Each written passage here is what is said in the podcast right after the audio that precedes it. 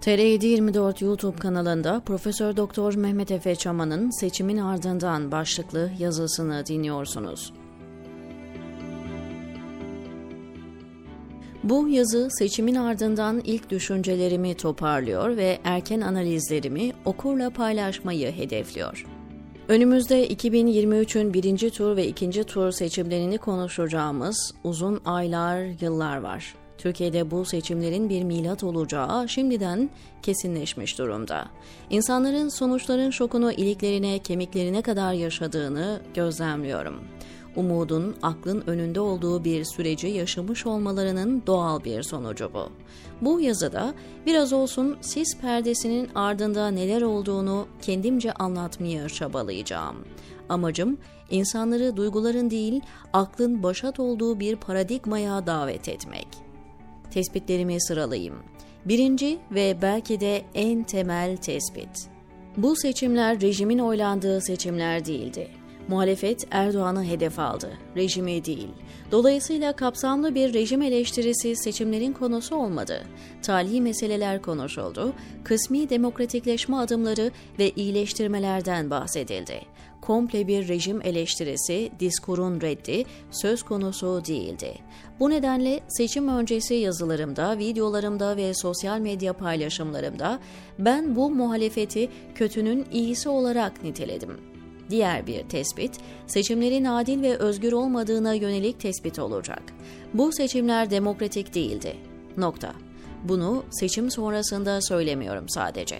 Seçimlerden yıllar önce, aylar önce, haftalar önce, hatta saatler önce bu tespiti tekrarladım. Bir siyaset bilimci olarak üzerime düşen görevi nesnel olarak yaptığımı düşünüyorum. Konu kapsamlı ve detaylı ama özetleyeyim. Hem oy sayımına ilişkin ciddi soru işaretleri hem kampanya ve oy kullanma sürecinde mevcut olan sistematik sorunlar seçimlerin adil ve özgür olmadığını tüm çıplaklığıyla gözler önüne serdi. Medyanın YSK'nın, AA'nın, yargının, bürokrasinin, kolluk güçlerinin ve istihbaratın tümüyle rejim aparatı olduğu, rejimin devamı için çalıştığı bir seçim süreci oldu. Rekabetçi otoriter sistem olarak nitelenen hibrit Türkiye rejimi, bu rejimin tüm klasik seçim manipülasyon taktiklerini kullandı ve kendini galip ilan etti. Muhalefet çok ciddi bir strateji hatası yaparak birinci turun sonunda seçim sonuçlarını tanımadığını ilan etmedi. Çünkü yazının başında belirttiğim üzere rejime muhalefet yapmamayı seçmişlerdi. İkinci turda da bu durum yinelendi birinci turda kurgulanan Sinan Oğan'ın %5'lik dilimindeki oyu, Erdoğan'ın seçimi oldukça demokratik görünen biçimde çalabilmesine yaradı. Niçin Kılıçdaroğlu ve altılı masa liderleri seçim sonuçlarını kabul ettiler? Bu konu aynı 15 Temmuz gibi, aynı rejim diskuruna yeni kapıda biat etmek gibi, aynı rejim mağdurlarını klan ve mahallelerine göre ayırmak gibi, mantık silsilesi içerisinde anlamlandırılması güç bir mesele olarak kalacak sanırım. Doğrusu eğer Kılıçdaroğlu ve Altılı Masa seçim sonuçlarına hile karıştığını deklare etse ve sonuçları tanımasa Erdoğan zafer ilan edemezdi seçim sonuçlarının uluslararası aktörler tarafından kabul görmesi ve Erdoğan'ın kutlanması bununla ilgilidir. Eğer muhalefet başarılı bir biçimde kaygılarını uluslararası aktörlerle paylaşabilmiş olsaydı, bundan da önemlisi açık bir pozisyon takınarak sonuçları tanımadığını güçlü bir biçimde dillendirebilseydi, bugün Erdoğan ve çevresi çok ciddi bir meşruiyet krizi yaşıyor olacaktı. Bir diğer tespit, Türkiye siyasetinin bölünmüş olma durumudur. Özellikle siyasetin temel fay hattı olan Kürtlerin Türkiye denen devletin kuruluşundan bu yana süre gelen konumu meselesi bu seçimde apaçık sırıttı. Evet, Kürtler büyük bir katılımla ve siyasi bilinçle Erdoğan'ın karşısındaki adaya oy verdiler. Ama bunu yaparken her şey çok güzel olacak tipi bir haleti ruhiye ile sandığa gitmediler. Karşılarında en kötü ve kötü vardı. Burada Kılıçdaroğlu'nu kastetmiyorum. Kılıçdaroğlu bence mevcut koşullarda bulunabilecek en birleştirici ve mülayim muhalif adaydı. Kastettiğim Millet İttifakı'nın bileşenlerindeki anti-Kürt pozisyon, daha doğrusu Kürt fobisi. Türkiye, Sevr Antlaşması sonrası içine düştüğü psikozdan sıyrılabilmiş değil. Kürtlerin gayet haklı ve makul taleplerine bölücülük ve teröristlik diyen çok geniş bir Türk üstünlükçü kitle toplumun çoğunluğunu oluşturuyor. Bu çoğunluk Salt Erdoğan tarafından toplanmış bulunan Cumhur İttifakı ile sınırlı değil. Özellikle İyi Parti ta başından beri HDP'nin ve Kürt siyasi hareketinin karşısında yer aldı.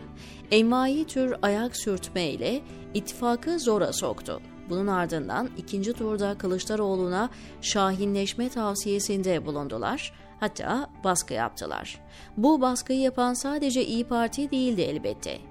İyi Parti'den de fazla CHP içindeki nasyonalist kemik kanat bu hatalı taktiği empoze etti.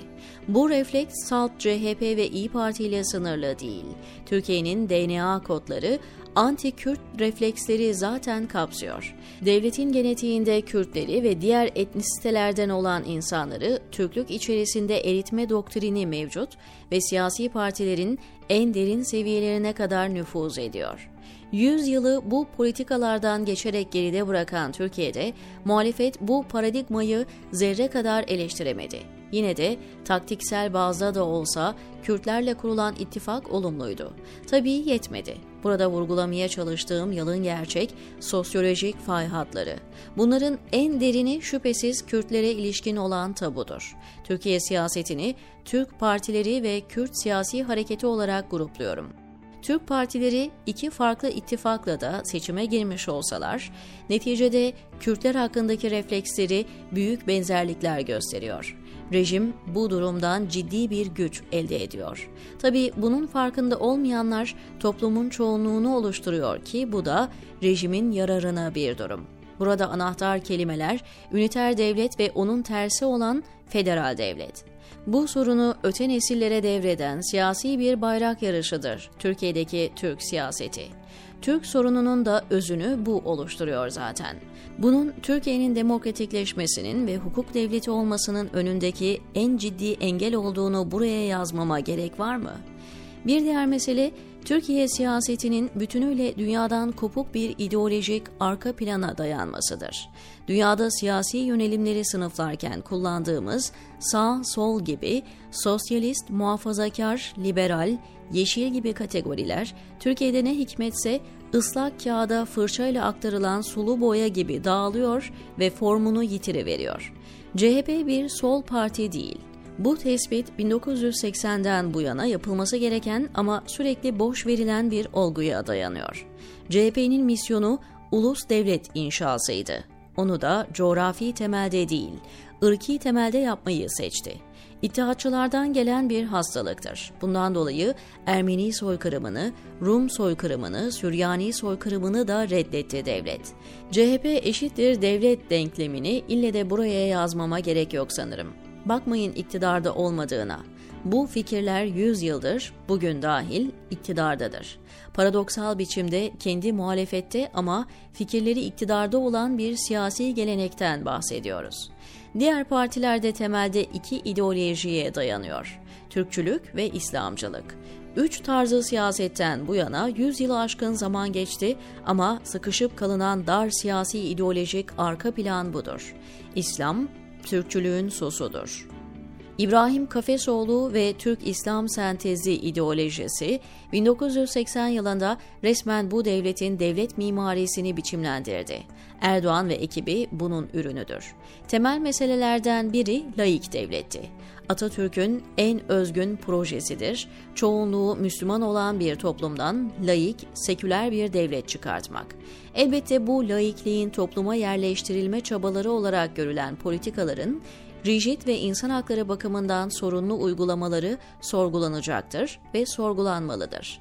Fakat fikirsel olarak devlet kurucusunun laik devlet ısrarında ne kadar haklı olduğunu burada tespit etmek gerekiyor. İslam'ın siyasete alet edilmesi, Türkiye siyasetinin Kürt meselesinden sonra en ciddi handikapıdır. Türkiye'nin yönetsel, siyasal bağlamda modern dünyaya armağan edebileceği en değerli deneyimdi. Müslüman çoğunluklu bir toplumun laik devlet kurması ve bunu başarıyla geliştirmesi. Başka bir yazının konusu olan bunu neden başaramadı meselesine girmeden bu tespiti yapmak istedim. Bu seçimlerin en büyük kaybedeni Kürtlerden ve mağdurlardan sonra seküler devlet fikridir. Son söz yerine rejim diskurunu reddetmeyen hiçbir muhalefet gerçek muhalefet değildir. Yapısal sorunları ötelemek, gelecek nesillere yapılan büyük bir haksızlıktır. Sorunlara tali çözüm önerileri değil, cesur reform önerileriyle yaklaşılmalıdır. Üniter devlet, Türk üstünlükçü tarih ve onun üzerine inşa olmuş etno kimlik, din ve politikanın yarılmamış olması, dünyadan kopuk ideolojik arka plan gibi. Bunları yazıp tartışma zamanıdır. Artık yeni şeyler söylemek lazım, diyor Mehmet Efe Çaman, TR724'deki köşesinde.